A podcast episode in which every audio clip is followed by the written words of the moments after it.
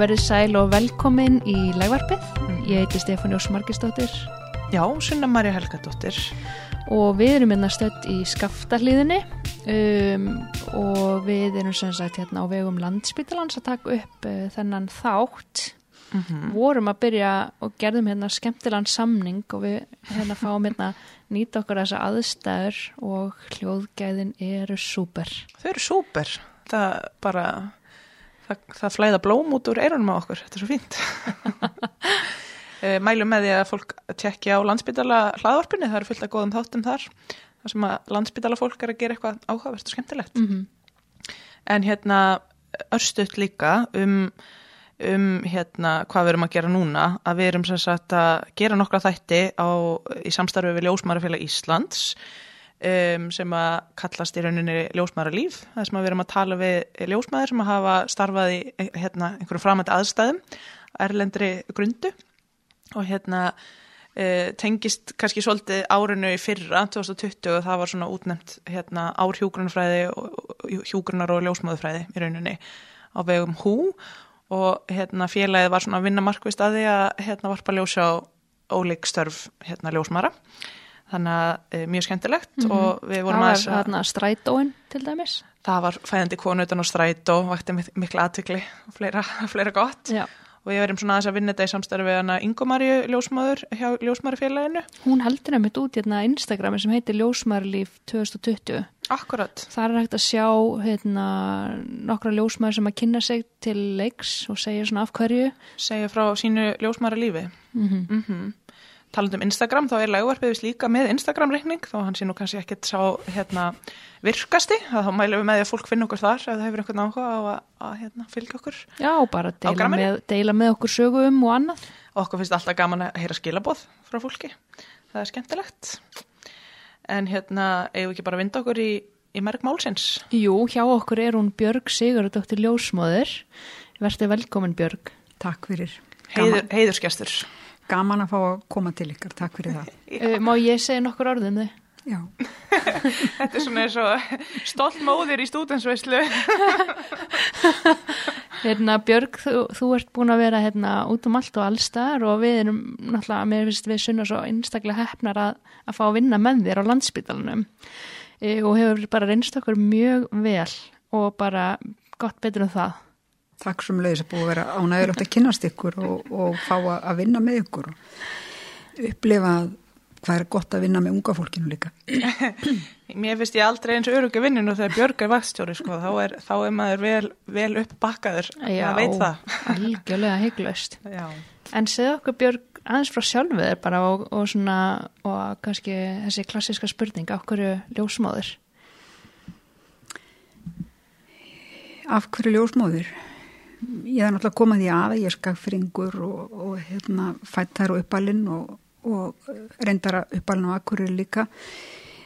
E, gaman að segja það að ég átti afa sem að ég hitti reyndar aldrei sem að var e, einn af ljósfæðrónum í ljósmaratalinu og kannski hefur alltaf verið þessi undirtótni í uppeldinu að e, ljósmaður væru þetta væri svolítið merkileg fyrirbæri eða, eða frólægt eða hvað maður að segja þetta fylgdi manni frá upphafi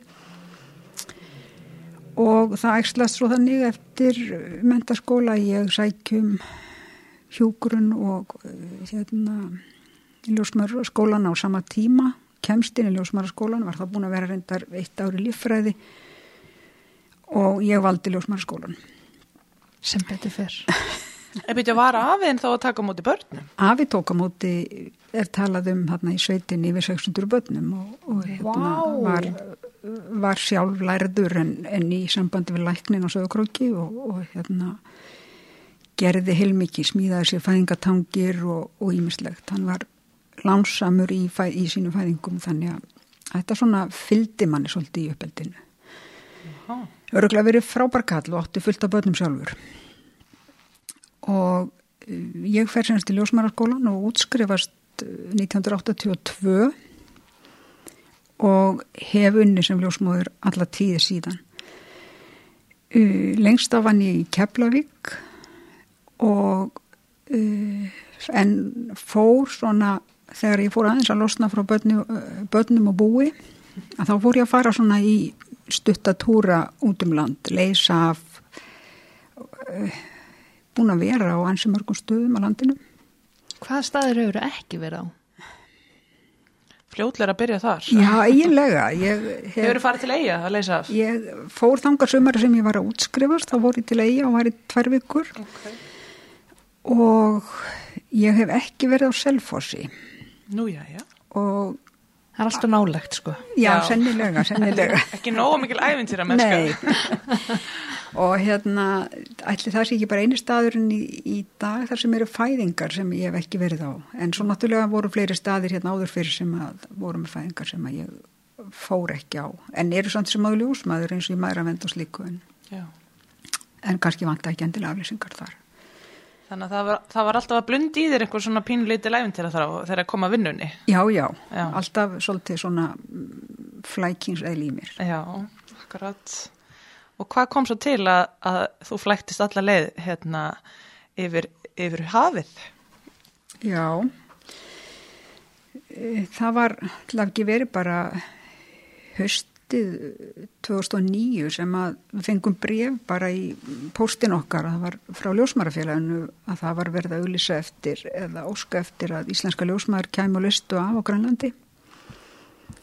Og það væri svo mikil vöndun á ljósmaðurunar og ég uh, skrifaði snarhættum að ég væri til í að, að hérna prófa. Fór svo heim og saði fjölskyldinu að ég væri vonandi bara að fara til Grænlands.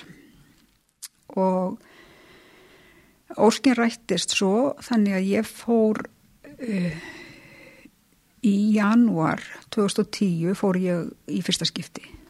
Og þá vorum við þrjáljósmaður sem fórum frá Íslandi. Og hérna e, þurfti náttúrulega að sækjum dansljósmaruleifi þeir tóku íslenska ekki gilt en mm, ég var samt sem áður ekki komið leifi fyrir en ég var komin út. Já. Og ég fór þá í tveggja mánuða afleysingu í, í bæ á vestuströnd Grænlands sem heitir Sisimjút og eh, já, þar var ég eina ljósmóðurinn þessa tvo mánuði og ásand og með uh, föði assistentum eða aðstóðar ljósmæðurum sem að eru grænlænskar sem eru búin að vinna þær í mörg ár. Já. Flottar konur og uh, kunna alveg helling. Þannig að ég var reynd ekki ein þó ég væri svona sett eina svona formera ljósmóðurinn. Já. Og kynntist þarna góðu fólki og þetta var rauninni bara upphafið af því að ég færi að fara í aflýsingar angað.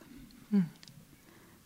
Og það eru liðin 11 ár síðan ég fór hérna fyrst skipti og, og uh, ymmit gaman að minnast þess að ég kom heim um það leiti er rétt eh, eftir að uh, fimmvörðuhálskósi byrjaði 2010, þá kom ég tilbaka. Fór eiginlega beint upp á beint upp á hérna fimmvörðuháls að skoða Að sjálfsögðu. sjálfsögðu. Lætur þið ekki vanta. Og nú gís annað gós í bakarinnum. Mm -hmm. Já. Akkurat. Þú nú- búin að fara þangað? Já, já, Að sjálfsögðu. við röldum hérna fljótlega eftir að byrjaði. Já. En hvað hefur svo farið oft til hérna Grænlands eftir þessa fyrstu, fyrstu ferð þarna 2010? Ég allir sér ekki búin að fara með sex sinnum eitthvað svo leiðis Já. og sex eða sjö sinnum og 2016 að þá tökum við ákvörðun að flytja út og byggum þar í ár. Fórum aftur í, í þennan bær sem ég fór í, í fyrsta skipti, Sissi Mjút. Og en áður hafði ég í þessum afleysingum hafði ég farið á nokkra staði, hafði verið á Suðurgrænlandi og Vesturgrænlandi, Östurgrænlandi fyrir ekki. Mm -hmm.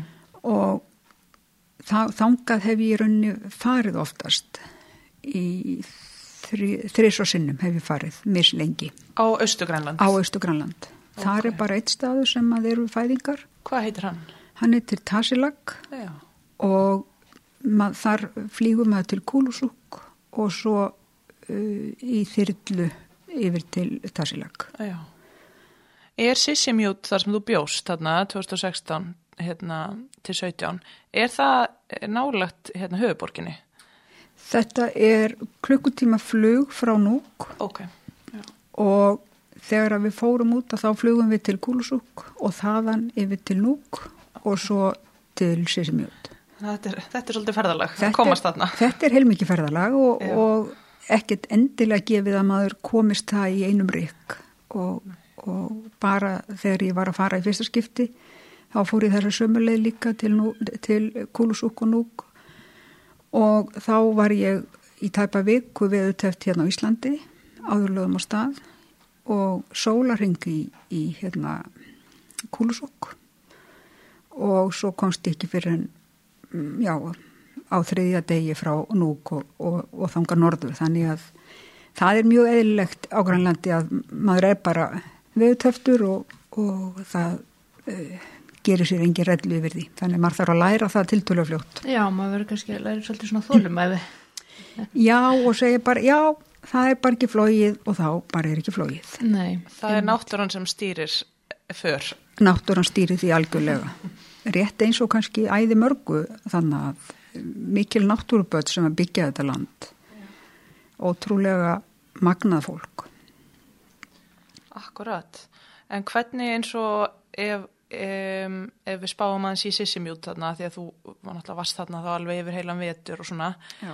hvað hérna, er þetta ekki eitthvað í kringu 5.000 manna eh, bær, eitthvað svo leis? 5-6 þúsund? Jú, þarna í, í þessu sveitarfélagi Já. eru svona 6.500 Já. og í bænum svona 5.500 það eru í lítil uh, þorp þannig í kring sem að tilhera þessu sveitarfélagi Já. sem að uh, sjúkurhásið meðal annars þjóna líka. Og eru litlar heilsugjastlu stöðvar í þessum hérna, uh, þorpum. En öðru leiti er þetta undir sama sveitafélagi. Og þú þá ljósmóðurinn á öllu svæðinu í sjálf sér, Já, meðan já, þú leysir þarna af. akkurat. Já, og, og þessar tvær aðstofljósmaður sem eru þarna líka. Já. sem eru grænlenskar og, og alveg gull af manni Gull af konum. gull af konum og er og bara í rauninni eru svolítið límið í þessu af því að þær hafa náttúrulega grænlenskuna að sínu móðumáli sem að skipti náttúrulega geysilega miklu. Hvernig áttur þú samskipti við konurnar hann úti? Ég notaði mína fátaklu dönsku og, og liðgæðist nú ég nettir því sem áleið og, og uppliði það líka svolítið að grænleinsku konunar að þær þegar þær áttu þessi á því að við vorum svolítið á sama sama báti með dönskuna, þetta var ekki móður, hvoru, hvoru okkar átti þetta hérna móðurmáli að þá urðu samskiptin oft miklu léttari og auðveldari. En gjarnan þegar ég var að kynast þeim að þá óskuðar eftir tólk eðlilega og þá var nokkur tólkuðu uh, aðstofljósmaðurnar eða, eða við fengum bara tólkar sem voru á spítalanum, bara ráðinir nokkru tólkar. Þá frá ennsku yfir á dönsku. Nei, frá bara dönsku yfir á grænlensku, þannig Já, ég talaði ok. dönsku og, og þær tólkuðu yfir á, grænlensku. Einmitt. En svo þegar ég fór að kynast þeim að þá yfirleitt gæti nota dönskuna og þær bara sína og gekk ljómandi vel þannig.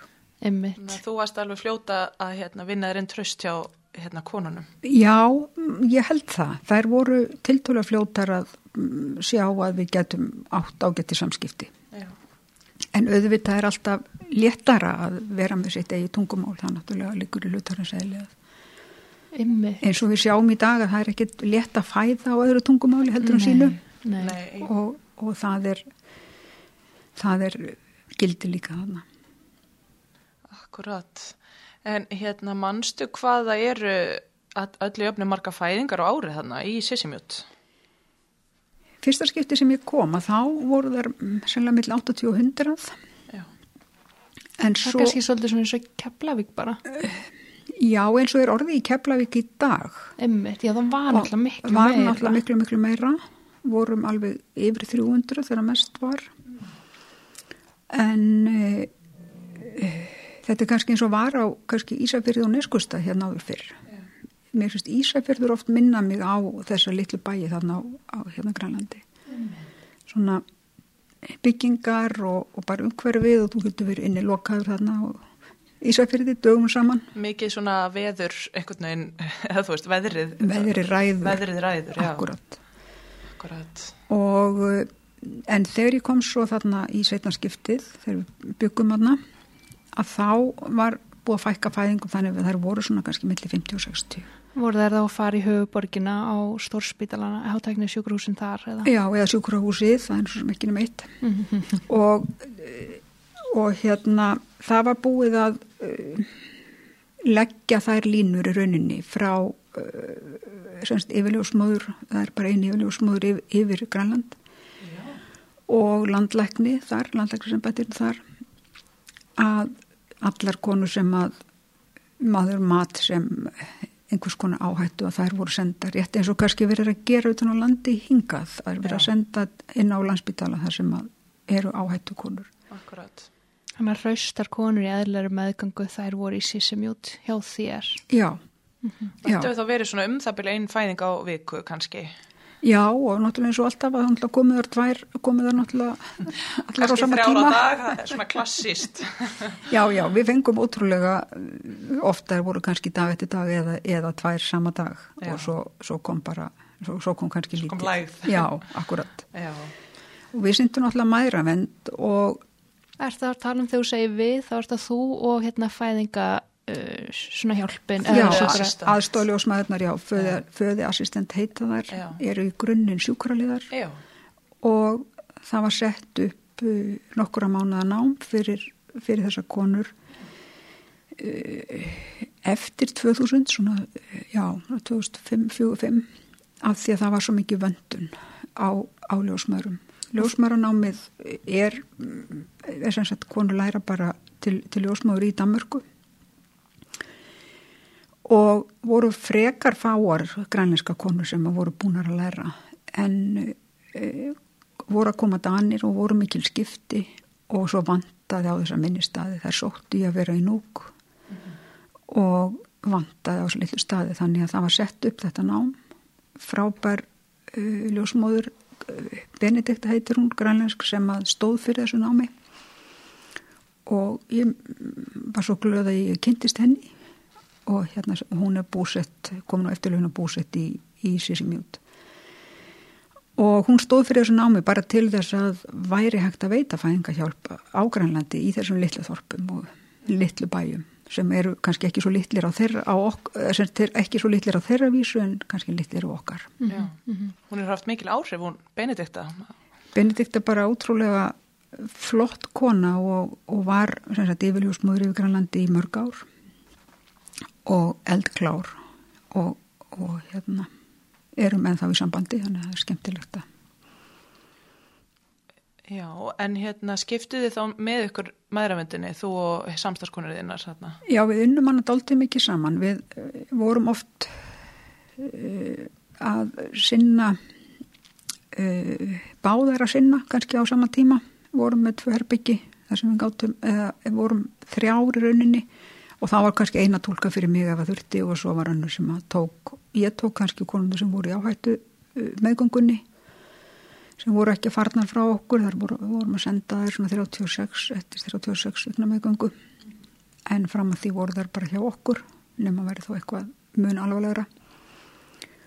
Og uh, já þannig við syndum þessu svona jöfnum höndum dálti og þær tóku vaktirnar og höfðu þá alltaf lækna bak við sig ef það voru sett í fæðingunum líka. Já, ummitt, þannig að þær voru á vöktum uh, gagvart fæðingum og varst þú kölluð út bara ef það var eitthvað eða? Ég átti vaktir bara á mótið, bara uh, sem sagt þriðu hverja vakt í rauninni, mm -hmm. þriðu þrjá hver dag og ef við tókum kannski tvo daga á hérna vakt og svo Var það staðbundi eða varstu, þú veist, með síma eða? Já, við vorum með síma. Þannig að þú gæst verið heima sofandi á já, vakt og allt já, þetta. Já, já, já, já, já, og svo varum við bara kallaður út hefa.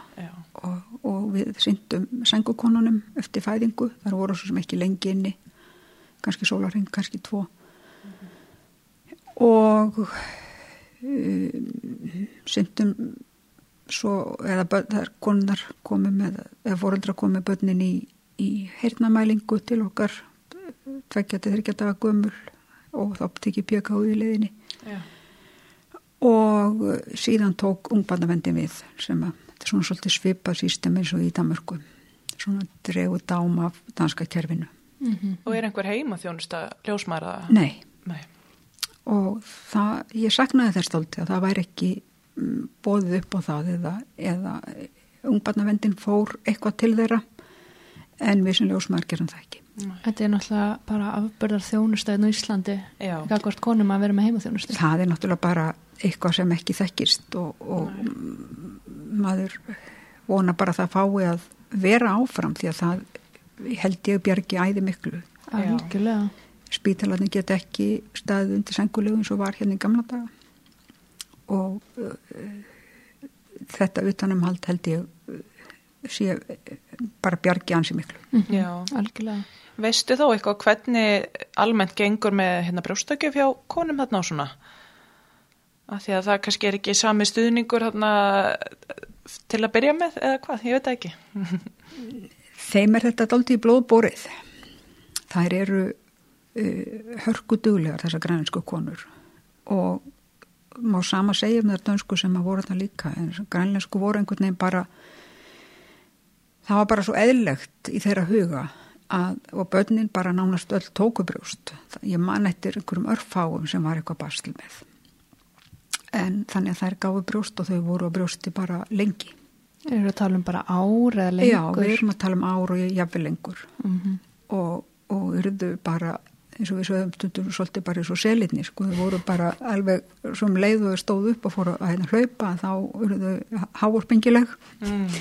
en þau voru bara söfnuðu orku og, og bara held ég til að lifa af í þessu kalda landi, Já. Já. þessu köldu löngu vetrum.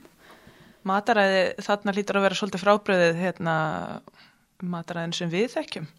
Já, það er það og, og það eru komna búðir og þarna norður frá það sem við vorum 70 km norður við heimskursbögu að þar eru svo sem búðir og er, er fullt til nóg til að keksi og sigri og, og því og, og kemur græmiti með skipinu og skipi kemur á tíu af fresti eitthvað sluðis og, og þá voru allir gladir þegar var komið nýtt græmiti en e, í grunninn er þetta mm, kjöt og fiskur og mikil fita og mikil orka úr, úr fitunni og grænlendingar eru eins og kannski margir eh, frumbyggjar við að þeir nota ekki mikla mjölk þá eru aðalega við kannski uh, hvað það, Íslendingarnir og Danirnir sem að vorum að drekka alla mjölkina í búðinni. Þó þeir notuðu, notuðu hann eitthvað líka en þeim, þeir nota hana lítið. Og kannski svolítið eins og margir verðar sem ekki drekka mjölk að þau geta illa unnið úr henni Mhm. Já, nákvæmlega. og, og uh, þannig að við erum að gáa því að við útlutum uh, öllum konum sem komið til okkar í hérna meðgöngu við útlutum þeim kalki Já. til að taka Já. af því að það náttúrulega í meðgöngunni er þess svo mikil af kalkbyrðum móðurunar þannig að þær fengu kalk hjá okkur og e, bara til að fyrirbyggja kalkskort hjá bæði barni og móður Mhm. Er mikið, er mikið rætt um D-vitamin þarna eða eru kannski allir með feiki næjar byrðar bara úr, úr hérna feitt meti á svona? ég held að þeir séu með feiki nóg, þeir náttúrulega borða eh, borða hérna e, mikinn fisk og þeir borða mikla fyttu, þeir borða e, lifur og, og þeir borða mikið selspygg og mm, þetta er eins og þeir segja eins og þeir segja svo kurtislega því að þeir eru mjög kurtisir þeir segja mjög kurtislega ef þú ert grammetisæta og hefur eitthvað við það og við borðum mikið kjött og fisk og þú kannski færði ekki grammetið verð þá ekki að koma til okkar Nei, ég hugsa að við, hérna eru tvær grænmiðsætur að gretta sig sko, við selspyggi og... ég reyndar bara fisk sko Já. Þú líka ekki Myndur þú fá þér selspygg, Stefania? Heiðaleg, heiðalegt svar. Verður maður ekki að smakka verður maður ekki að kurtiska hvort þeim sem að búa þarna og svona aðlaða sig að þeirra ég- lifnar Ég get nú ímyndað mér að selspik sé ekki kannski það óhugnulegasta sem man, man, man geti verið bóðið upp á. Sko, maður ánáttúrulega bara að prófa og, Já. og prófa og smakka og, er og, og maður gerði það og hérna, Hvað er það mest framandi sem þú smakkaðir, Björg, á Grænlandi? ég er nú svo sem alin upp við ímislegt fyrir hann svo gummul og ég hafði náttúrulega alveg smakka sem krakki sel, selkjöt og svo leiðis og ég borðaði sú, sel, selsúpu og, og, og hérna sem var bara alveg ágætt. Ég hafði eins og ekki smakkað uh, þurrkaða loðinu já, og hún er bara eins og hert, svona bara eins og harfiskur og ég horfði fyrst á hún á hún fisku sem er hvaða fiskur er þetta? Já, ég smakkan og svo bara borðaði þetta og, og það er alltaf gáð svona hvernig maður svona, hvernig, Já, hvernig maður bregst við. Og þetta var merkilega gott. En þeir náttúrulega háfa þarna upp við, bara við ströndin alveg fullt, fullt af hérna loðinu og þeir eldana bæði þeir sjóðana og þeir steikjana og svo þurrkaður hana. Og þurrkulón er mikið vetraforði fyrir hundana. Mm. þarna eru þeir með hundaslega og þurfa náttúrulega að sapna forða fyrir þá. Einmitt. Og þetta er bara merkilega góður matur sem sagt ný svoðin loðna og, og hérna og svo steikt. Að þetta er en hún er alltaf svo feit að maður geymir hann ekki lengi þannig að hún geymist illa. Já, Svona- maður bara borða maður borða. bara borðar hann bara ferska. Já, já. Hérna, þannig að mataræði þarna hjá grænendingum enginn er svolítið að fit og prótenu Já, það gerir það og ég, þetta er náttúrulega bara orka sem fólk þarf í þetta. Kuldin fer alveg nýri í þannig að það sem við vorum alveg nýri í mínus 25 eða 30 gráður já, Já. einmitt og yfir veturinn að það eru, þetta er svona frost og, og stillur þannig að það er, verður ekki eins kalt eins og hérna í rakanum okkar og sjaldan rók en ef að hversir að þá getur orðið brjála veður og, og, og kannski fylgir því mikil snjókuma líka þannig að það geta orðið mjög slæm veður en þau kom ekki oft. Og eru mikil snjóþingsl bara innan bæjar? Sko, Uh, það er sko, það er að snjóa meira núna síðustu ár heldur en að hefur gert þannig að já, það var oft mikil snjór og, en þeir eru bara með góðar græður og, og hérna móka kannski svona maður hugsaður út í þú veist konur sem eru langt gengnar kannski komnar þú veist 38 eru þær bara lappið þessum snjó og, og svona já, blása bara kannski ykkur nös af því að, að því þetta er þess, að, þú veist, maður bara veit að sjálfur að lappa í snjó er, er bara átakstundum akkurat það er endar þeir móka snemma og, eða móka fljótt þannig að þeir skafa göttunar en þær ganga um allt og grænlendingar þó séu aukast svolítið núna bílaign þá fara þeir flestra sinna ferða gangandi og uh, það þykir bara sjálfsögður hlutur að þú gengur allt sem þú ætlar að fara. Og það er reynda strætóar en uh, konur og bara fólk almennt þarna er í mjög góðu líkamlegu formi. Og mm, bara til dæmis eins og í veiðiferðir að fólk fer, það fer á bátunum sínum inn í fyrðina og svo gengur það klukkutíma saman til að að hérna veiða, þá er þeir á, á hérna reyndýra veiðum og þá bara fer öll, öll fjölskylda með. og það er bara óháð því hvort þú sért þunguð eða Já, já, það er það. Og ég man eftir því að ein kona til dæmis spurði, ringdi og spurði mig "Mm, er í lagi að ég fari í veiðiferð hérna, við ætlum að fara hérna inn í fjörð og, og hérna veiða, hérna reyndir tímin og, og, og ég segi já, já ertu ekki verið að koma nú tíma? Ég það, ég bara 37-8 vikur, ekki til að ég fari var það fyrsta barn eða var Nei, þetta nei, fjölbyrja? þetta var fjölbyrja Já, já, já. já. Ég sagði nú, hún er þið bara að ákveða það, ég, ég get ekki bannað henni það, en hérna, Veist, veistu hvort hún skellti sér? hún, hún dreif sig, já, já. hvað var löngferðin tilbaka Það var nokkra tíma sigling, já, ok svona þryggja fjara tíma sigling eða eitthvað sluðis. Já.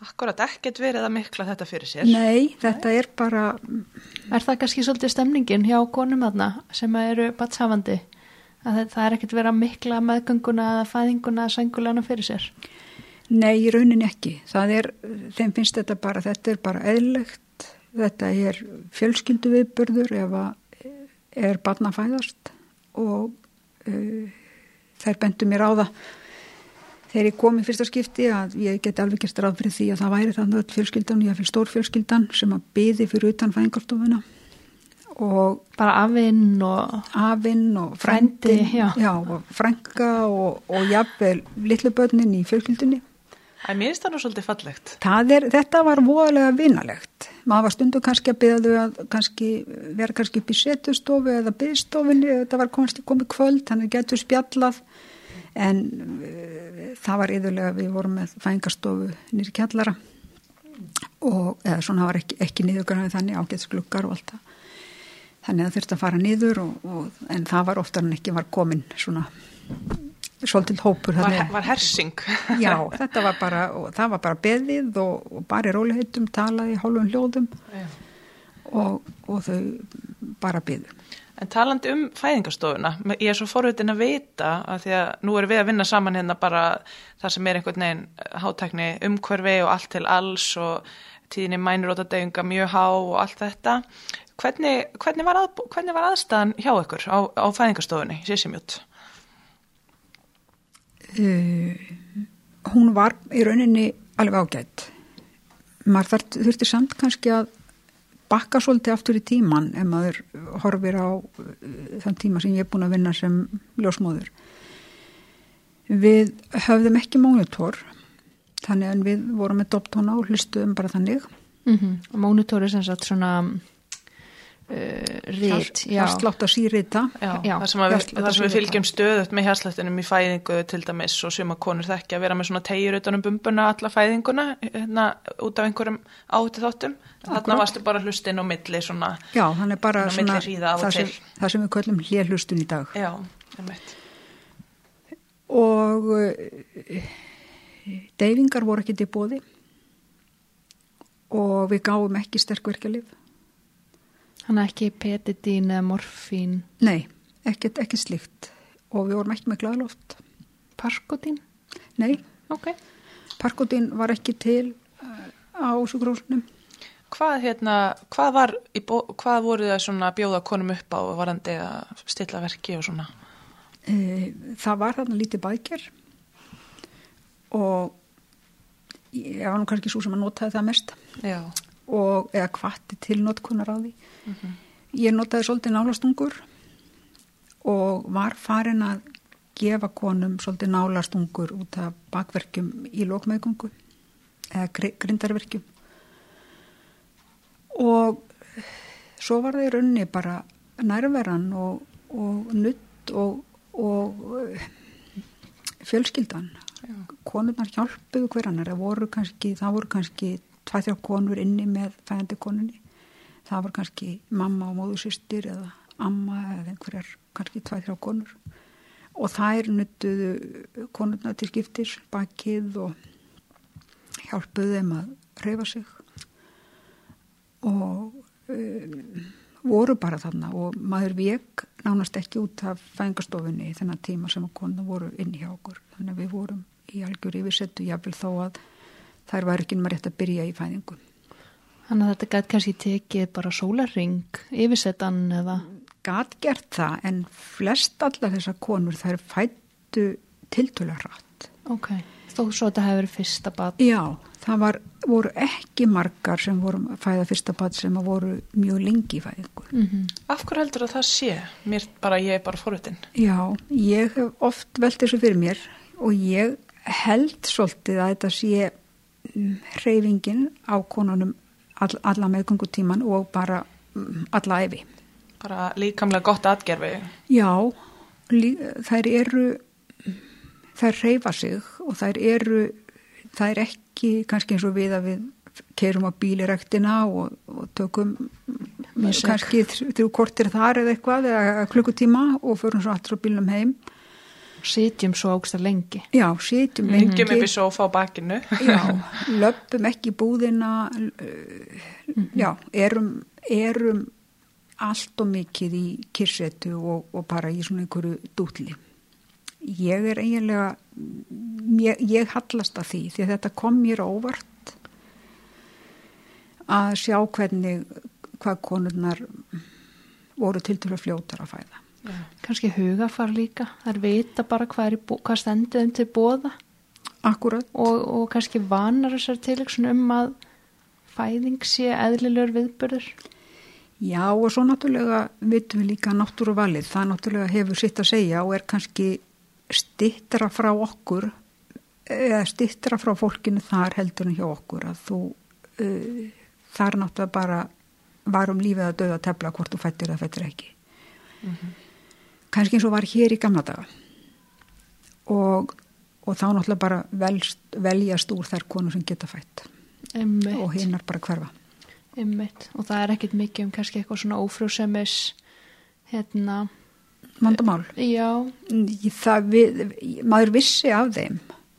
En, en uh, það já, það svona kannski kom ekki mikið inn á borð til okkar. Mm og voru, það var alveg maður var fann að heyra að það væri einu kona sem færi í frjósumis meðferð til Danmarkunni, það var ekki bóði á Grænlandi, þannig þær, þá fóru þar til Danmarkur En er eitthvað svona eins og hérna um, að því að velta fyrir mér þessu svona, þetta er sterkar konur og, og svona verðast hraustar og, og svona svolítið harðgerðar einhvern veginn.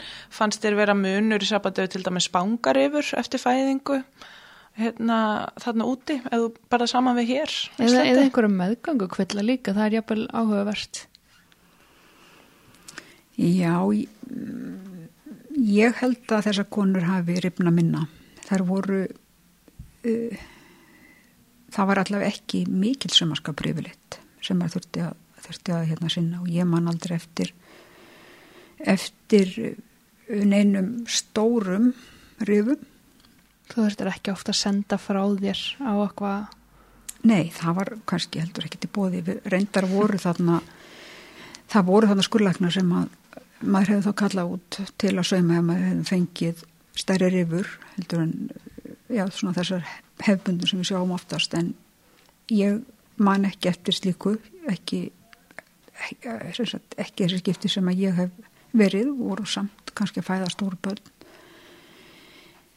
meðgöngukvillar voru ekki margir og þær komu lítið til okkar svona aukalega fyrir ut- utan mæravendina bara hefbundna tíma. Ekki mikið um meðgöngu eitrun eða meðgöngu sikursíki Nei, það var frekar hjá, frekar hjá þessum dönsku.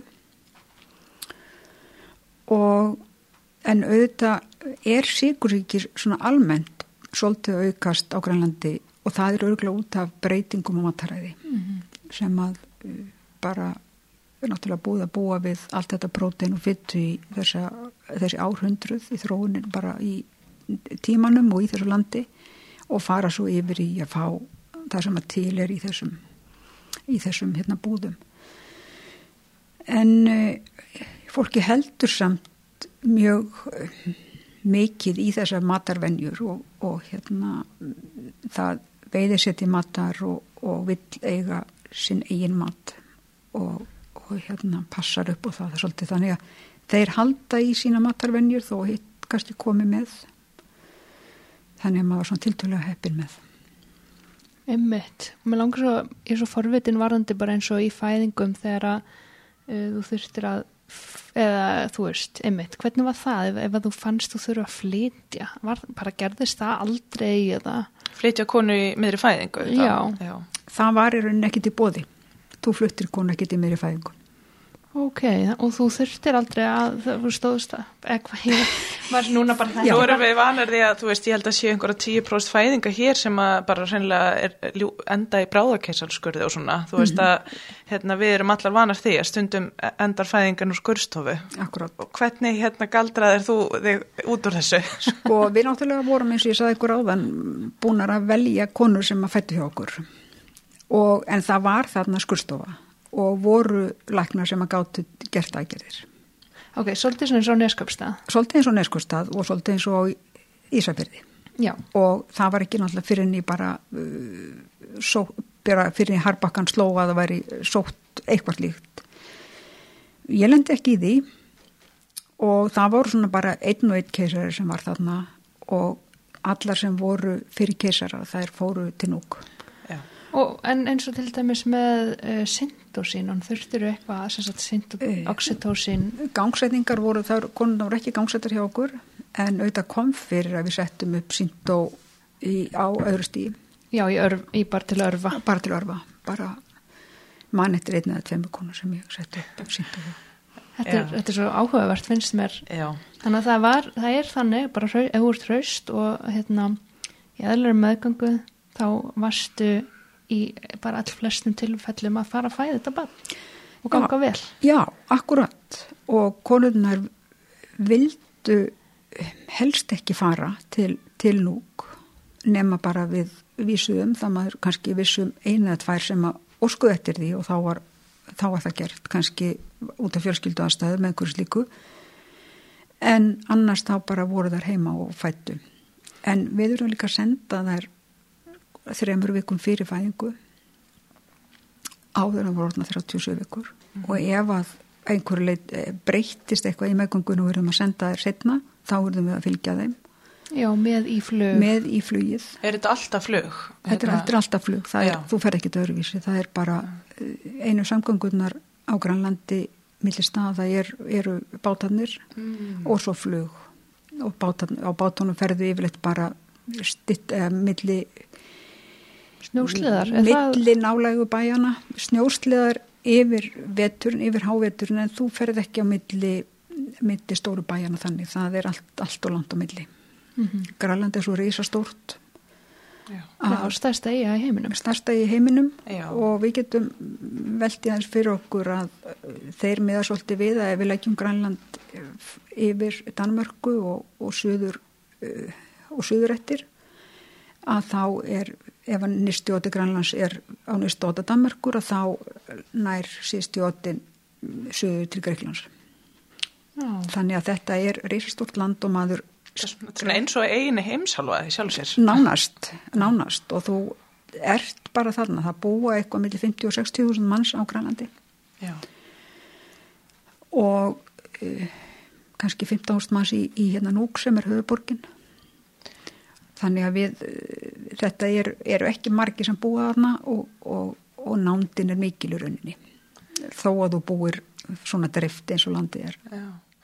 En lendur einhvern tíman í einhverjum svona beinlinis akútflutning eins og ef að kona væri að fara bara staði fyrir bara fæðingu eða eitthvað slíkt og þú veist, þurftur einhvern tíman að fara í eitthvað svoleiðis ferðaleg? Í fyrsta skipti sem að uh, ég reyndar fylgdi ekki þeirri konu bara hendaði ekki út af, út af hérna, vinnunni heima fyrir en uh, greindum eina konu með þrýpur og var komin uh, þá var ég ný komin reyndar og, og hérna uh, komin ljósa hún var gengin 30 og einhverja tvær vikur með þrýpura Var það, var hún þá, var, var hún búin að vera í með, meðgangu vend þá eða? Já, já, hún var búin að vera í, í hérna meðgönguvend áður og, og eða sem sagt þennan tíma og svo Hvernig fóstugreiningu og svona hátta þarna? Er, er svona skoðanir eða? Það er, uh, eru svona, það eru sónarar, ekki, ekki kannski góðir og uh, greiningin er bara svona til að meta í rauninni cirka kringum 16 vikur hvað meðgöngulengdin er og ef það skekkaði meir en 10 dögum þá breytir dagsetningunum, annars ekki. Ok, Það var ekkert mjög flókið. nei, nei. og þarna greinlega hafði þetta ekki greinst hjá þessari konu og, og kemur svo í ljós að, að hérna hún er með þrýbura og fer svo stað í fæðingu. Hún fær, fer að fá verki en við erum að býða í í þrjá sólaringa minni með hafi verið Út af, þá, út af, til að geta flóið það var náttúrulega í, í februar og hávetur og, og það er svo sem ekki blindflugs möguleikar þarna og, og, og veðri var vond þannig að við bara byðum og hvernig það varstu þá með bara svona dreipi eða traktorsíl eða bríkaníl? ég var uppi með bríkanildreipi og var bara með það þarna uppi og Og þú veist, er, eru vökvadælur til taks eða? þarna voru, það er ekki komnar Nei. ekki þegar ég var hann í fyrst skipti Það var gamli góði drópa, hérna, drópatalningin. það voru bara augun. Já, og en við græjum þetta og þau, hún komst til, til núk og, og uh, fekk fín börn í hendurnar, fætti nú ekki fyrir en uh, já, fyrir en svona einhver tíman var komin örgulega 34-5 vikur þegar hún fætti þannig að, að það blessaðist ágætlega Þetta, þú, þú hefur kannski ekki sofið mjög rótt þess að þrjá sólarhringa. Nei, nei, ég var þarna bara upp á spítala og það náttúrulega bara var svona. Og en það blessaðist. Já. og svo vorum einhver tíma kallar út í, í reyndar alltaf brjála veður þarna, samt ekki. Er ekki klassist að það er eitthvað svona brjála veður akkurat þegar að þrýböra konan fer í gang? Jú, akkurat sko. En svo vorum einhvern tíma að senda sko þá var eina af konanum í litla þorpinu núna þegar ég bjóðna þá þurftum að kalla út þyrlu til að fara á sækjana og, og það kom náttúrulega svona reysastór síkorski þyrla og sótt okkur og, og hérna og hún lendi þarna á fótmáltavelli þarna í miðju, miðju þessu litla þorpi Þú varst, varstu aldrei að mikla þetta neitt fyrir þér? Stígu upp í einhver svona þyrlu og, hérna, fljúa Nei. yfir í næsta þorp? Nei, þetta er miklu frekar bara spennandi, maður þarf að vera kannski pínu svona pínu svona áhættu fíkil eða eitthvað sko eða Varstu einhver tíman rætt?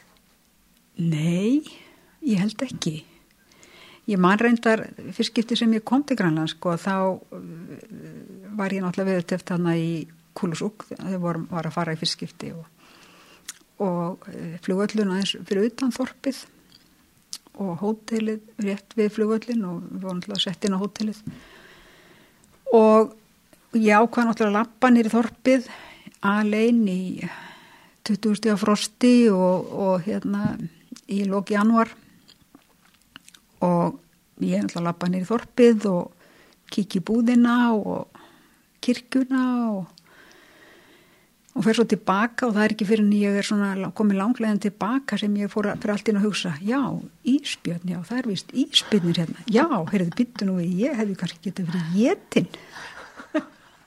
Var það tíð sjón að sjá íspjöld? Við reyndar, ég reyndar sá aldrei íspjörn, en við fréttum af þeim að þeir voru og, og meðan við vorum, meðan við byggum að núti að þá var allaveg einu sinni feldur íspjörn þannig alveg bara við bæinn og, og í rauninni það er kvóti á íspjarnaveiðum en ef þeir kom of nálagt þorpunum og er ekki hægt að fæla þá burtu þó að veiðikvótin sé búinn að þá hérna uh, þarf að, að fella þá. Og kallið minn hann fekk að smakka íspjarnakjöt Já, það er það er borðað. Það er reyndar tjekkað á því hvort að er í þeim hérna ormar eða tríkinur sem get, geta verið í, í spennakjöti Mm. og ef að og hvort það sé allt og hátt kvikasölfur og ef að það er allt í lægi að þá er það borðað Er það gott? e, ég smakkaði ekki. Honum fannst það svona svolítið stert svona svolítið mikið sjávarbræðaði svolítið, kannski svona svolítið eins og grófum kval eða einhverju slíku. En ég smakkaði ekki. Ég, hann fór einmitt í sleðaferð semst vel sleðaferð og, og það var einn kallin sem að bauði upp á smakk þannig að ég misti að þessari sleðaferð Það er rosalega framandi. Svo er ég að sjá fyrir mig svona mæta á morgunvakt eða eitthvað og þetta er svona það sem er verið að slúðra um, hérna, að það hafi íspjötn verið feldur við bæjamörkin og eitthvað svona. Þetta er, þetta er nýtt. Þetta er, þetta er spennandi og þetta var bara svona partur af programmi sko, maður bara fekk þessa fréttir og, og hefði veist íspjötn og, og hefði kannski veist kvalir og, og maður sá það svolítið eins og í, kúlu, í hérna, Tassilak að þegar að komu kvalir inn á fjörðina þá fóru bara allir saman að, að hérna, veiða sko, þá fóru allir að, þá fóru allir að hjálpa stað. Já, við að verka þá, Nei, veið, eða veiðan bara. reyna veiðan Já. og þá voru þeir bara með kajaka og litla báta og, og byssur og, og skuttla og svo allir sem, að, allir sem að tóku þátt í að veiða kvalinn að þeir fengu bita þannig að þetta var svona samhjálpin var slík Og fekk maður þinn að fara í hérna, kajakferð eða þú sjálf? Nei, við reyndar fórum ekki í kajakferð en Nei. við, en, en við fórum í, í, í svona semst, ferð með vinn okkar á, á litlum bát sem hann átti og þar sá maður bara reysa kvali voru bara þannig í kring, kringum þennan smábát sem við vorum í við hefðum, ef þeir hefðu dotti í huga að koma nær okkur þá það var eins og þeir væri að sína sig fyrir okkur og, og hérna stukku þannig reysa stórir kvalir og, og hérna en svo bara fóru þeir og, og við bara, þeir koma aldrei, aldrei þannig að bátnum að við varum ykkur hættu. Nei. og nú meiri æfintýra mannskjan Björg. Þetta er bara spennandi. Þetta er þvílitt, hugur ekki sem þarf við að standa sig í þessum aðstæðum sko. Algjörlega, mér finnst það. En lang, ég var einmitt líka að hugsa þú veist sem ljósmör, varst einhvern tíma hrætt sem ljósmör að þú varst einmitt að tala um bara veist, með þrý, þrýburakonu og bríkanildreipi að handtelja og eina ljósmörn í sísimút og... eða, eða þú veist maður bara velti fyrir sér svona kannski þessu tvenna sem að alla ljósmæður hafa bak við eiraði fæðingu sem er kannski blæðing og axlaklemma og eitthvað slíkt að, hérna, Er það einhver svona tvenna? Svona eitthvað sem að ég held allar, allir hafi bak við eirað eða þeir eru kannski að taka móti í heimahúsi eða eitthvað, það er eitthvað sem að getur koma upp á Já. þó að það sé ólíklegt ef að þú ert að hérna, sinna bara hraustum gónum Þú er náttúrulega líka sem svona eina ljósmann í bæn og veist ekkert hvað þú veist, þú, þú ert bara alltaf hreinlega á vakt þannig að Já, ég gæti náttúrulega búist í því að vera köllu út ef að var eitthvað eh, var eitthvað sem sagt bara á það dæmi að koma upp. Mm -hmm. og það svo sem gerðist Erum maður ekki alltaf kannski pínu hrættur, er maður ekki alltaf pínu með vara Já, á sér? Hrættur er kannski ekki rétt að orðið nei, en það er svona, svona tilbúin Já, maður er alltaf með henn að vara á sér og veit e, kannski búin að velta fyrir sig hvað ætla, hvað ætla ég að gera í þessum aðstæðu eða, eða Plan A og B og C. Já, þannig að maður kannski er alltaf með þetta svona bakveira eins og sæðir áðan mm. og, og hvernig ætla ég að leysa ef að kemur axla klemma og, og, og hvað ætla ég að gera í blæðingum. Auðvitað veit maður það þegar eru ekki yngripa fæðingar gangsetningar eða uh, fyrir keisarar eða, fyrir blæðingar þá, þá hérna er kannski minni hægt á eitthvað að koma upp á. Maður verður bara svolítið að, að horfa þar aðstöð sem maður er í. Og, og hérna og takast á við það. Fara með æðurleysi spænina kvöld svo mótna. Já, já svolítið, svolítið þannig að maður uh, breytir ekki þeim aðstæðan sem maður er í en, en uh, kröfunar eru líka öðruvísi. Maður vandar sig ekki síður þar heldur en hér en fólk tekur lífinu öðruvísi. Það er bara stærrind á þessum stöðum þar sem að þú hefur ekki allt til alls eða er ekki hægt að hlaupa upp til hand og fóta eins og ég segi það, ég get ekki sendt konu og hvernig ætla ég þá að bregðast við? Hemmitt Hérna, mér finnst líka eitt svolítið forvinnilegt að þú sagðir að sónarskoðan væri við 16 vikur. Mm. og þú ert þá væntalega sónarskoða? Já Og hvernig er það, þú veist að því núna hérna, við vorum talum hérna, við höfum allt til alls hér, það er bara, það fara allir nánast í samtætt líkinda mat, það fara allir í snemsónar, allir í 20 vikna sónar og helst myndu konu vilja færi meira. Mm -hmm. það er svolítið stemningin hér. Og, og, og hérna af því núna veit ég þú stúrt ekki hérna sónarskoðar það er tveggjar á viðbútin ám við sex ára nám hérna í Íslandi. Vissir alltaf hvernig bannu varst að fá í hendurnar sko, og vissir þær það konurnar sko því ég er svo gummul að þá uh, var ég reyndar á sínum tíma þá mm, söpun tíma eins og sumar þær sem eru í sónartni núna þá var ég á svona námskeiðum og syndi þessu aðeins til að byrja með í keflaug. Já, það, það eru náttúrulega einmitt. Og síðan bara, síðan bara hætti ég því að það kom annað fólk sem að gerði þetta, þannig ég hef ekki mikið verið í þessu en hef, veit pínlítið. Ekkert í þá eru sem að þær eru að gera hér og, og myndi ekki gera. Ekki dag. En eh, þegar maður er konið öðru sérstæður þá er, er bara annað í bóði og það er bara að rekna með því að þú geti gert þetta þegar þú ert komið þarna og það, var, það er í bóði hjá þeim, þetta er svolítið danska kerfið eh, í Danmörku er ekki verið með 20 vikna sónar það er líklega 18 vikur í dag en var 16 og þeir eru ennþá með 16 á Grænlandi. Eða þeim konum sem eru komnar yfir 35 ára, þeim býst að fara í lögarsástungu, það er ekki gerð nakka þetta mæling eða slíkt en þá fara þau til núk og þetta er eins og var hérna fyrir kannski 25-30 árum og þú fórst í, í e, lagvarsástungu og varst varst orðin 35 ára. Eða þar, þegar þér bauðst það. Þannig að þú gast alveg búist við því og, og ég vissi alveg af slíku upp tilfellum að það fættu spöld sem að voru gáttu ekki lifanum og bara fæðingun af. Mm -hmm. og, og hérna af því að það var ógreint og þetta er þannig á fleiri stöðum. Við búum kannski við allt allt aðra ræðstæður og allt allt aðra vendingar hér heldur en kannski mjög víða annar staðar. Mm -hmm. og, og bara ekki svo langt frá okkur. Ég veit til dæmis eins og í færiðjum að þar hafa ekki verið neitt samþætt lík, líkindamatti eða 20 vikna sónar og ekkit endilega í bóði þeir hafa verið með 16-18 vikur og, og hérna eru ekki með þessa svona skoðun eins og við þekkjum þannig við þurfum ekki að fara neitt langt í burtu Nei. og bara til Norðurlandana líka þar sem að er ekkit endilega það sama kerfi eins og okkur Þannig að þú áttir kannski vonaði frekar en við þekkjum hér að taka móti batni sem að var bara með eitthvað, þú veist, fóstugalla eða eitthvað slíkt sem að var ekkit endilega vitað á meðgangunni Já, það gæti alveg, alveg verið þannig Já. en um, um, ótrúlega þá fættust þessi börn bara fín börn sem að ég hérna, sem að við hérna vissum af.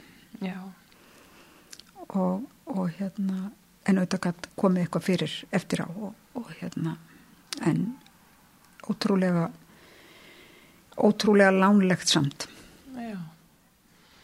En nú heyrum við að þú hefur svona þurft að tegja, þið svolítið, þú veist, einmitt inn á sónar, skoðanir og þurftur að tegja þið til dæmis líka inn í eins og kínhelbriðis hérna vettvangin hérna úti. Já, við vorum alveg þar. Við vorum, tókum, tókum þá umræðu og vorum í, í hérna, við vorum ráðgefandi varandi getnaðavarnir og við skrifuðum upp á, upp á pillu og, og hérna útlutuðum því mm -hmm. og skrifuðum reseft og, og, og útfegðum það. Við settum hendur ekki blikkjur. Það voru ekkit mikið notaður. Það var miklu meira pillan eða eða stafurinn sem settur undir húð mm -hmm. Hver var svona og... sín æ, fyrir ekki, ég ætla ekki Nei, allt í leið Ég ætla að spyrja hver sín svona grænleiska hvenna væri á getnavörnum af því hérna er þetta svo bara sjálfgefið að kona fara á getnavörn og það er ekkert verið að hugsa neitt meira út í það. Átti þá við hormóna eða eitthvað slíkt? Já, hormóna fyrir gefið. Er voru misspenda fyrir þessu. Og þeim fannst uh, hormonarnir minga kynnkvöld og minga ánæður af kynlífi. Marga hverjar tjáðusum þá og, og hættu þess vegna. Og það urði þá náttúrulega jafnvel ótíma bæra þunganir og sem að maður var þá að þurfti að taka þá umræðu við þar hvað er alltaf að gera og það kom gerðan til okkar voru þeim með abort hjá ykkur? Eh, það, það voru abort hjá okkur, já. Það já. voru þungunarof, gerð, gerð þungunarof mm -hmm. og það var um, aðeins verið að byrja með því að gefa liv, ekki, ekki bara eðgerð. Þannig að þetta kom allt uh, varðandi meðgöngu og, og slíkt og gernavarni kom inn á bort til okkar. Við settum hendur ekki í það stafin og ekki, ekki blikku þar konu sem að vildu það en við skrifum út pillu Var, var þungunar of að því núna er það svo komur að heitt umræðefni var það eitthvað litið á það, einhver veginn öðru sem við gerum eða þetta er náttúrulega mjög vítt hérna sem ég er að spyrja en mm -hmm. Þar voru, konur voru uh, uh, uh, þeim fannst það mjög eðlögt að fara í þungunarof Ok. Þannig að það var ekki, en það var miða við tólvíkurnar eins og, eins og hefur verið. Einstaklega sinni náttúrulega var, var eitthvað var eitthvað annað félagslegt eitthvað slíkt sem var hægt að tegja það eitthvað lengra Og, og hvernig varum við talandum svona félagslegt að því að núna erum við Íslandingar líklegast með einhver ákveðna ímynd af, ímynd af grænlendingum mm. var mikið af félagslegum vandamálum Eða sko það náttúrulega er uh, það liggja náttúrulega fyrir, liggur fyrir svona ákveðin tölfræði að það er hérna há sjálfsýstíðinni allavega á einhverjum svæðum á Grænlandi og hérna, einmitt hefur svona verið ákveð orðvarandi hérna, alkoholisma, ofbeldi og fleira. Mm það, hver, hver er þín upplifun af, þess, þessum málum? Það kom þetta líka inn á bort til okkar. En um, það var ekki okkar upplifun af grænlendingum að þetta væri, þetta væri vandamál. Eins og þeir segja sjálfur að það er kannski ægi margir danir sem eru með vandamáli líka. en það eru félagsleg vandamál og ekki síst í litlu þorpunum þar sem að að atfinna er á skortnuskamti og uh, en kannski aðgangur að áfengi og slíku er kannski nánast ótakmarkaður. Og þá koma líka önnu félagslega vandamál. En það er kannski búið að skera svo mikið niður að fólkið hefur enga vinnu og, og hérna Svona veiðir manna samfélag þar sem að líka vantilega tækni hefur tekið, tekið yfir ákveðin störf og Já og, jafnveg litlum þorpum verið bara reynilega lokað, lögði í eyði, fólkið Nákvæmlega. flyttur inn á, inn á starri, starri hérna, kjarnana og þar er enga vinn að fá. Og þá er eina sem maður getur gert að það er bara að drekka sig frá mm -hmm. vandamálunum. Og, og e, það er heilmikil vinna í gangi að hjálpa til með þessi félagslegu vandamál. Það eru víða börn sem að hefa verið tekin af heimilum og alveg þekkt að það eru barnaheimili í mörgum allavega, já, stærri og minni byggðarlugunum þar sem að bara búa börn sem að hafa ekki geta verið heima. Og það er verið að reyna að vinna í þessu og, og vinna þetta samfélag.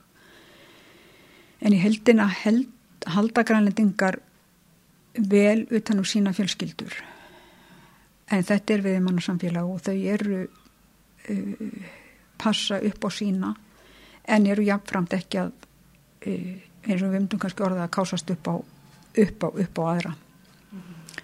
en uh, með aukinni mentun og með uh, hvað ég segja uh, aukinni þekkingu fólksins að þá vonandi lagast þetta og vonandi á þetta eftir að uh, skána ástandið við veitum náttúrulega líka að við þekkjum ekki nema við sjáum ekki nema bara bara rétt brota við séum kannum hér líka af því sem er en Já, með því að fólk hefur meiri möguleika á, á því að ganga í skóla og, og læra þá -hmm. er líka meiri möguleika á vinnu. Þannig að, að lífi verði betra. En við vitum líka að það eru, það eru vandamál með misnótkunn og misnótkunn banna og slikt en, en það er kannski okkar huga sem að byggum að ekki þar sem að stendur upp úr heldur þetta, þetta góða góða fólk og góða samfélag sem að sem að vill lifa í sátt og samlendi við náttúruna það er svolítið stóri punkturinn mm -hmm. og, og þú lýsir svona mikillir samhældni í rauninni að, hérna, einmitt, að konurnar eru rætna til staðar fyrir fæðandi konu og öll fjölskyldan er fram með að, að býða og, og fagna og svona þannig að þú veist maður, maður finnur fyrir svona mikillir samstöðu Já, það er mikil gleð og það er mikil fjölskyldulíf og það er þeir hafa alltaf, finna sér alltaf tækjafæri til að, að gleðjast og gleðjast saman og, og, og, og þó að þeir sé í litlum þorpum þar sem að er svona mikið hvað sé að lokað og ekki samneiti við aðra nema kannski við sumatíman og getur silt kannski til þorpana að þá, þá er alltaf þeir eru alltaf duglegir að hittast og það er alltaf haldinn ammæli og það er eins og meðal fermgavisla og, og alveg sama hver á ammælið og, og það er öllum bóðið, það er bara opið hús og, og það er alltaf alltaf tímabært að gera sér dagamun og mikið útífista fólk mikið íþróttafólk fer á skýði og hérna hleypur og bara ótrúlega mikið mannlíf og gott þrátt fyrir ímsa ankanta líka sem að Já. sem að Danir eiga kannski skuldlust mikið af því. Danir verða nú seintvektir fyrir bindindis mennsku.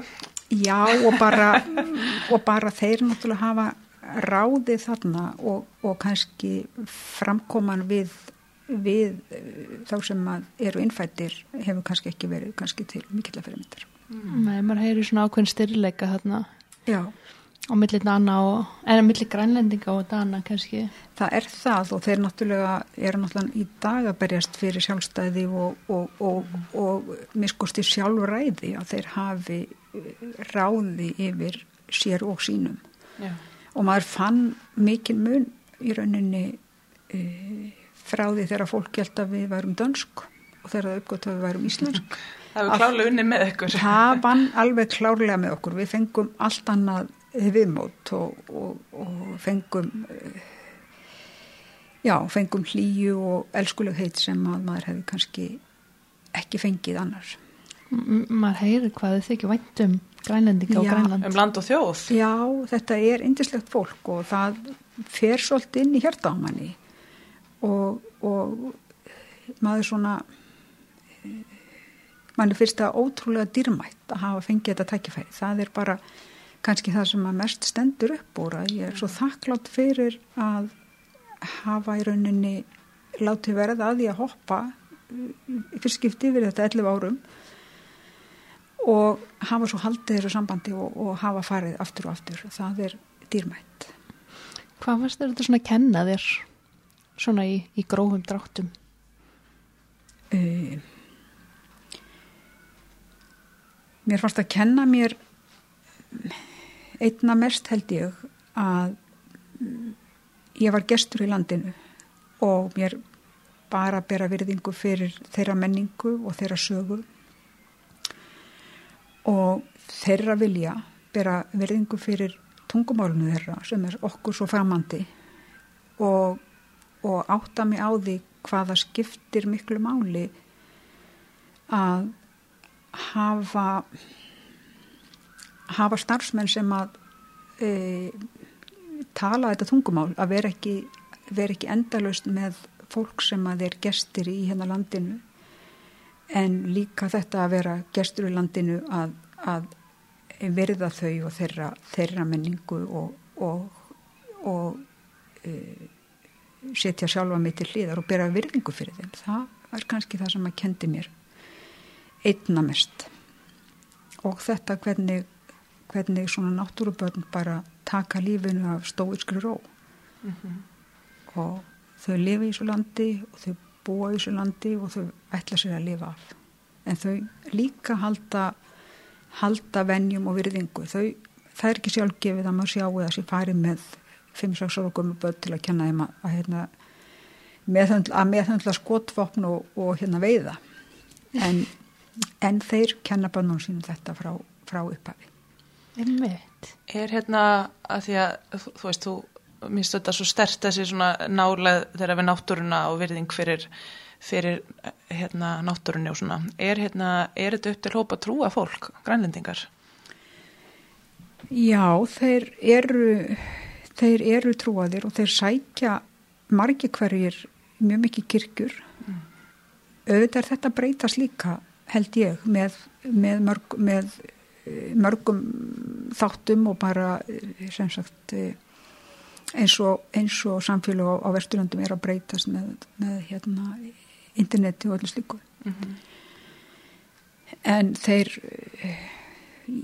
ég held til dæmis að það eru nánast öllböld skýrð og, og öllböld færmd og, mm -hmm.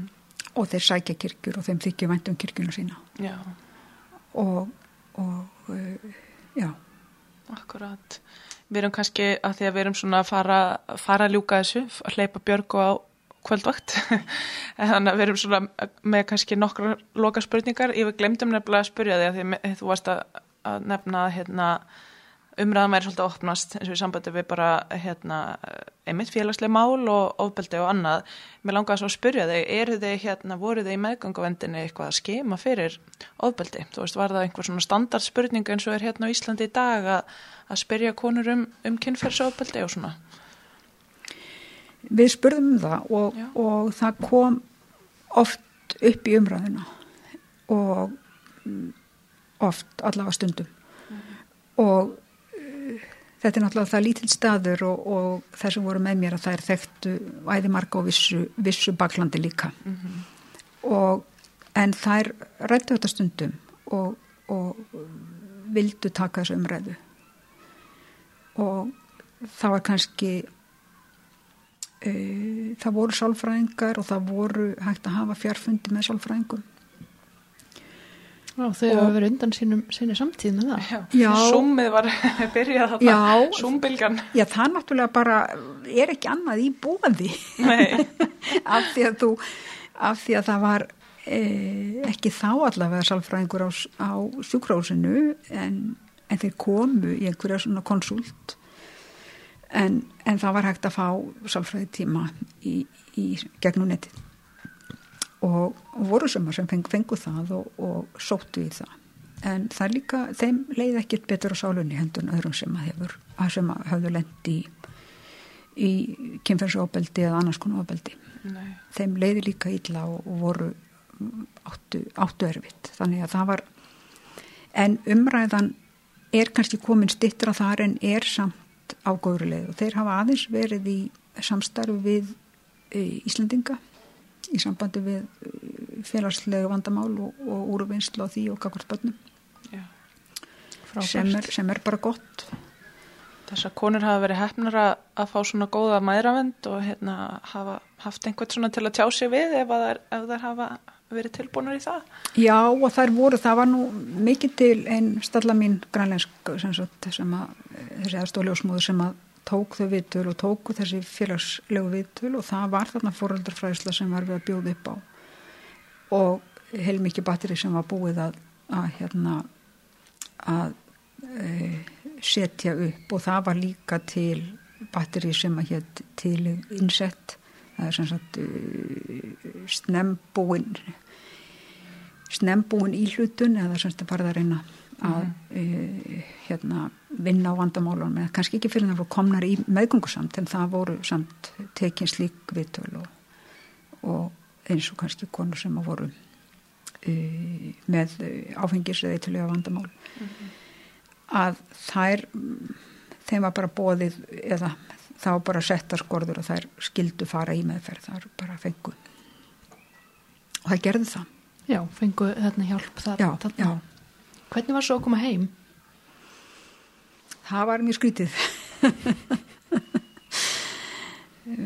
það var það tók okkur heilangan tíma í rauninni að fara aftur inn í þessa, þessa íslensku menningu að e, ég held næstum því að ég hafi korki farið í kringlu eða, eða hérna smáralindi í heila tvö ári eftir ég kom heim og alla farið á farið ánga ennþá Þú varst bara narta í, í stekta loðnu og Já, hérna. bara svona naga, naga hana svolítið en Var þetta svolítið yfirþyrmandi einhvern veginn það var mjög yfirþyrmandi að koma heim og, hinn og mikla velmegun og hérna neyslu brjálaði kannski. akkurat, akkurat og bara þessi, þessi hraði á öllu og þessi eh, svona bara kröfur og, og, og það var þarna er miklu miklu róleira þú dettur niður í allt annan gýr þú ferði allt annan gýr í vinnunni þú ferð eh,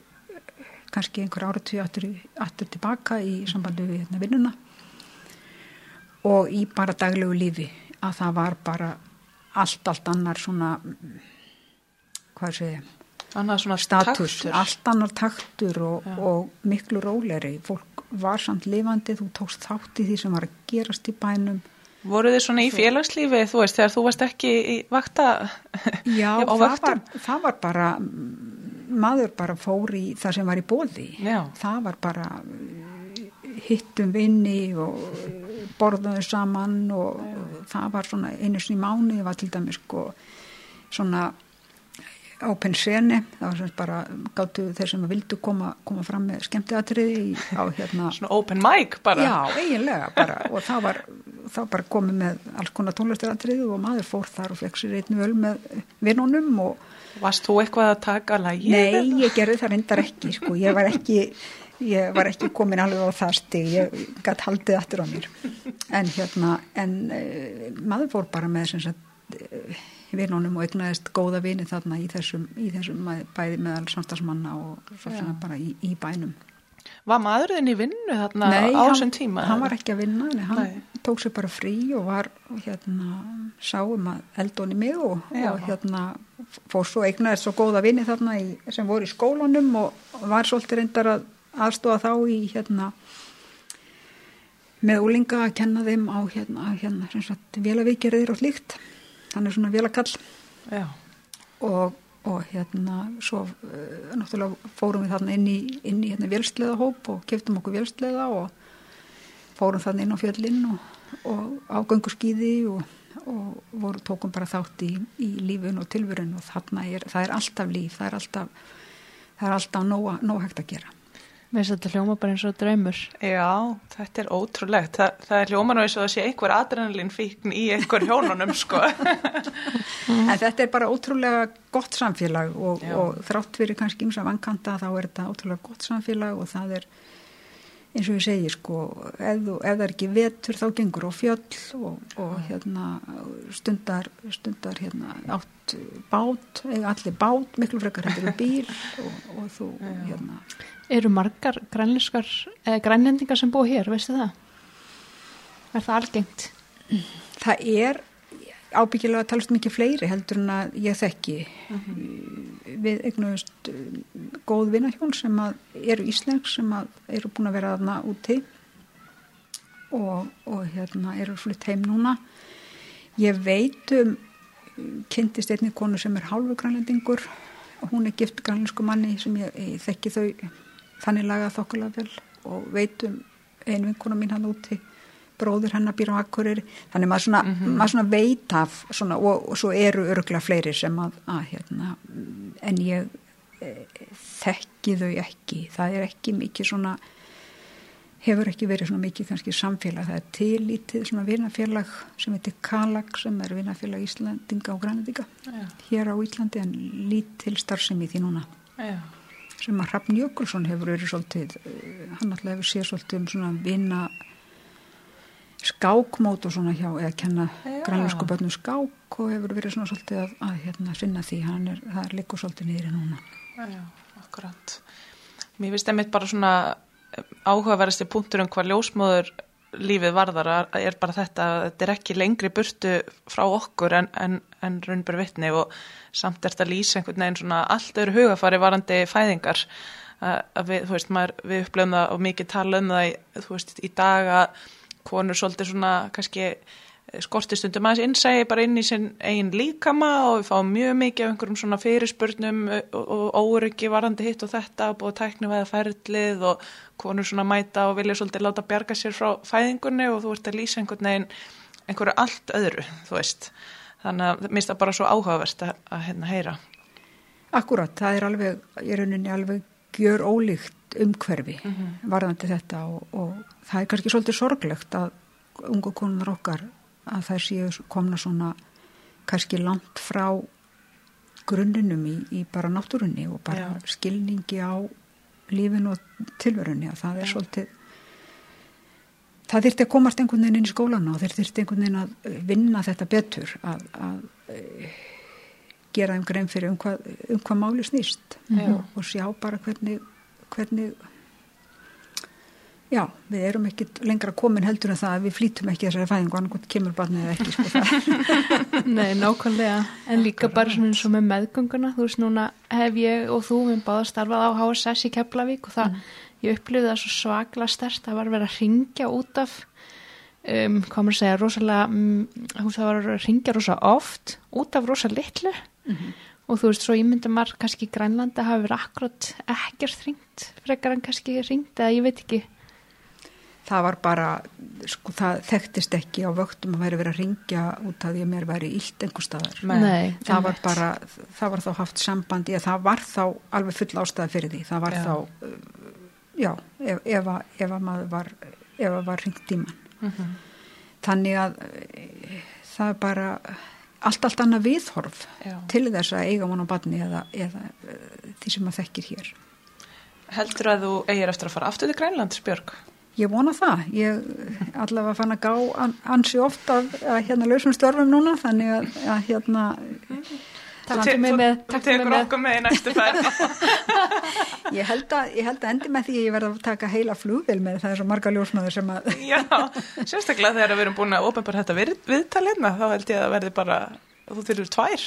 En Grænland er dásamlegt land og þó er sér bara að fara og, og, og heimsækja það, að Já. fara og koma þangað að þetta er, þetta er ótrúlegt og sé svona stutt frá okkur að þetta er dásamlega náttúrufegurð og, og, og bara mannlíf sem að maður svona bara er þakkláttur fyrir að hafa fengið tækifæri til að kynast.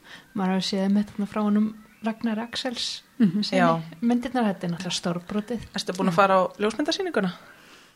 Ég hef síð einhverjar, ég hef síð ljósmyndasýningar hjá honum, ekki, er sýning núna? Það allan var fyrir, fyrir stuttu, þá var Já. hérna stór sýning. Já, ég á, Þú verður að skella þér. Ég, ég á allavega nokkrar af grænlensku bókunum hans sem hann hefur þarna, sko, já. og hef síða þessa myndir hans og, og þær eru ótrúlegar og hann alltaf komist í frábært eh, samband við þessa veiðimenn sem eru ég held hann mest verið á Vestugrænlandi Já, akkurat. Og þar eru náttúrulega ennþá, ennþá meiri náttúrubörn þær er þú ert ennþá stittra frá gamla Grænlandi þar Já.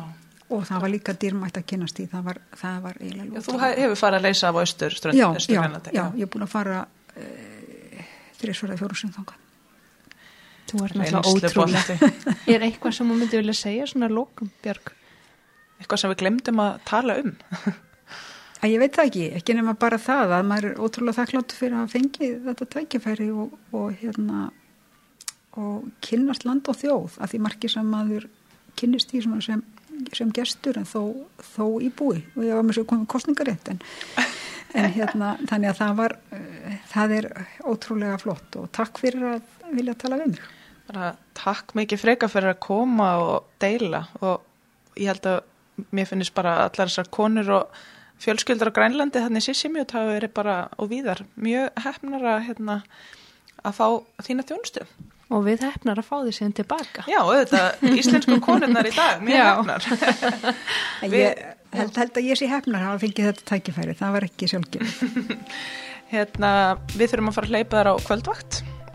Þannig að er þetta ekki bara komið gott hjá okkur? Jú, Bara takk fyrir okkur Björg. Takk fyrir mig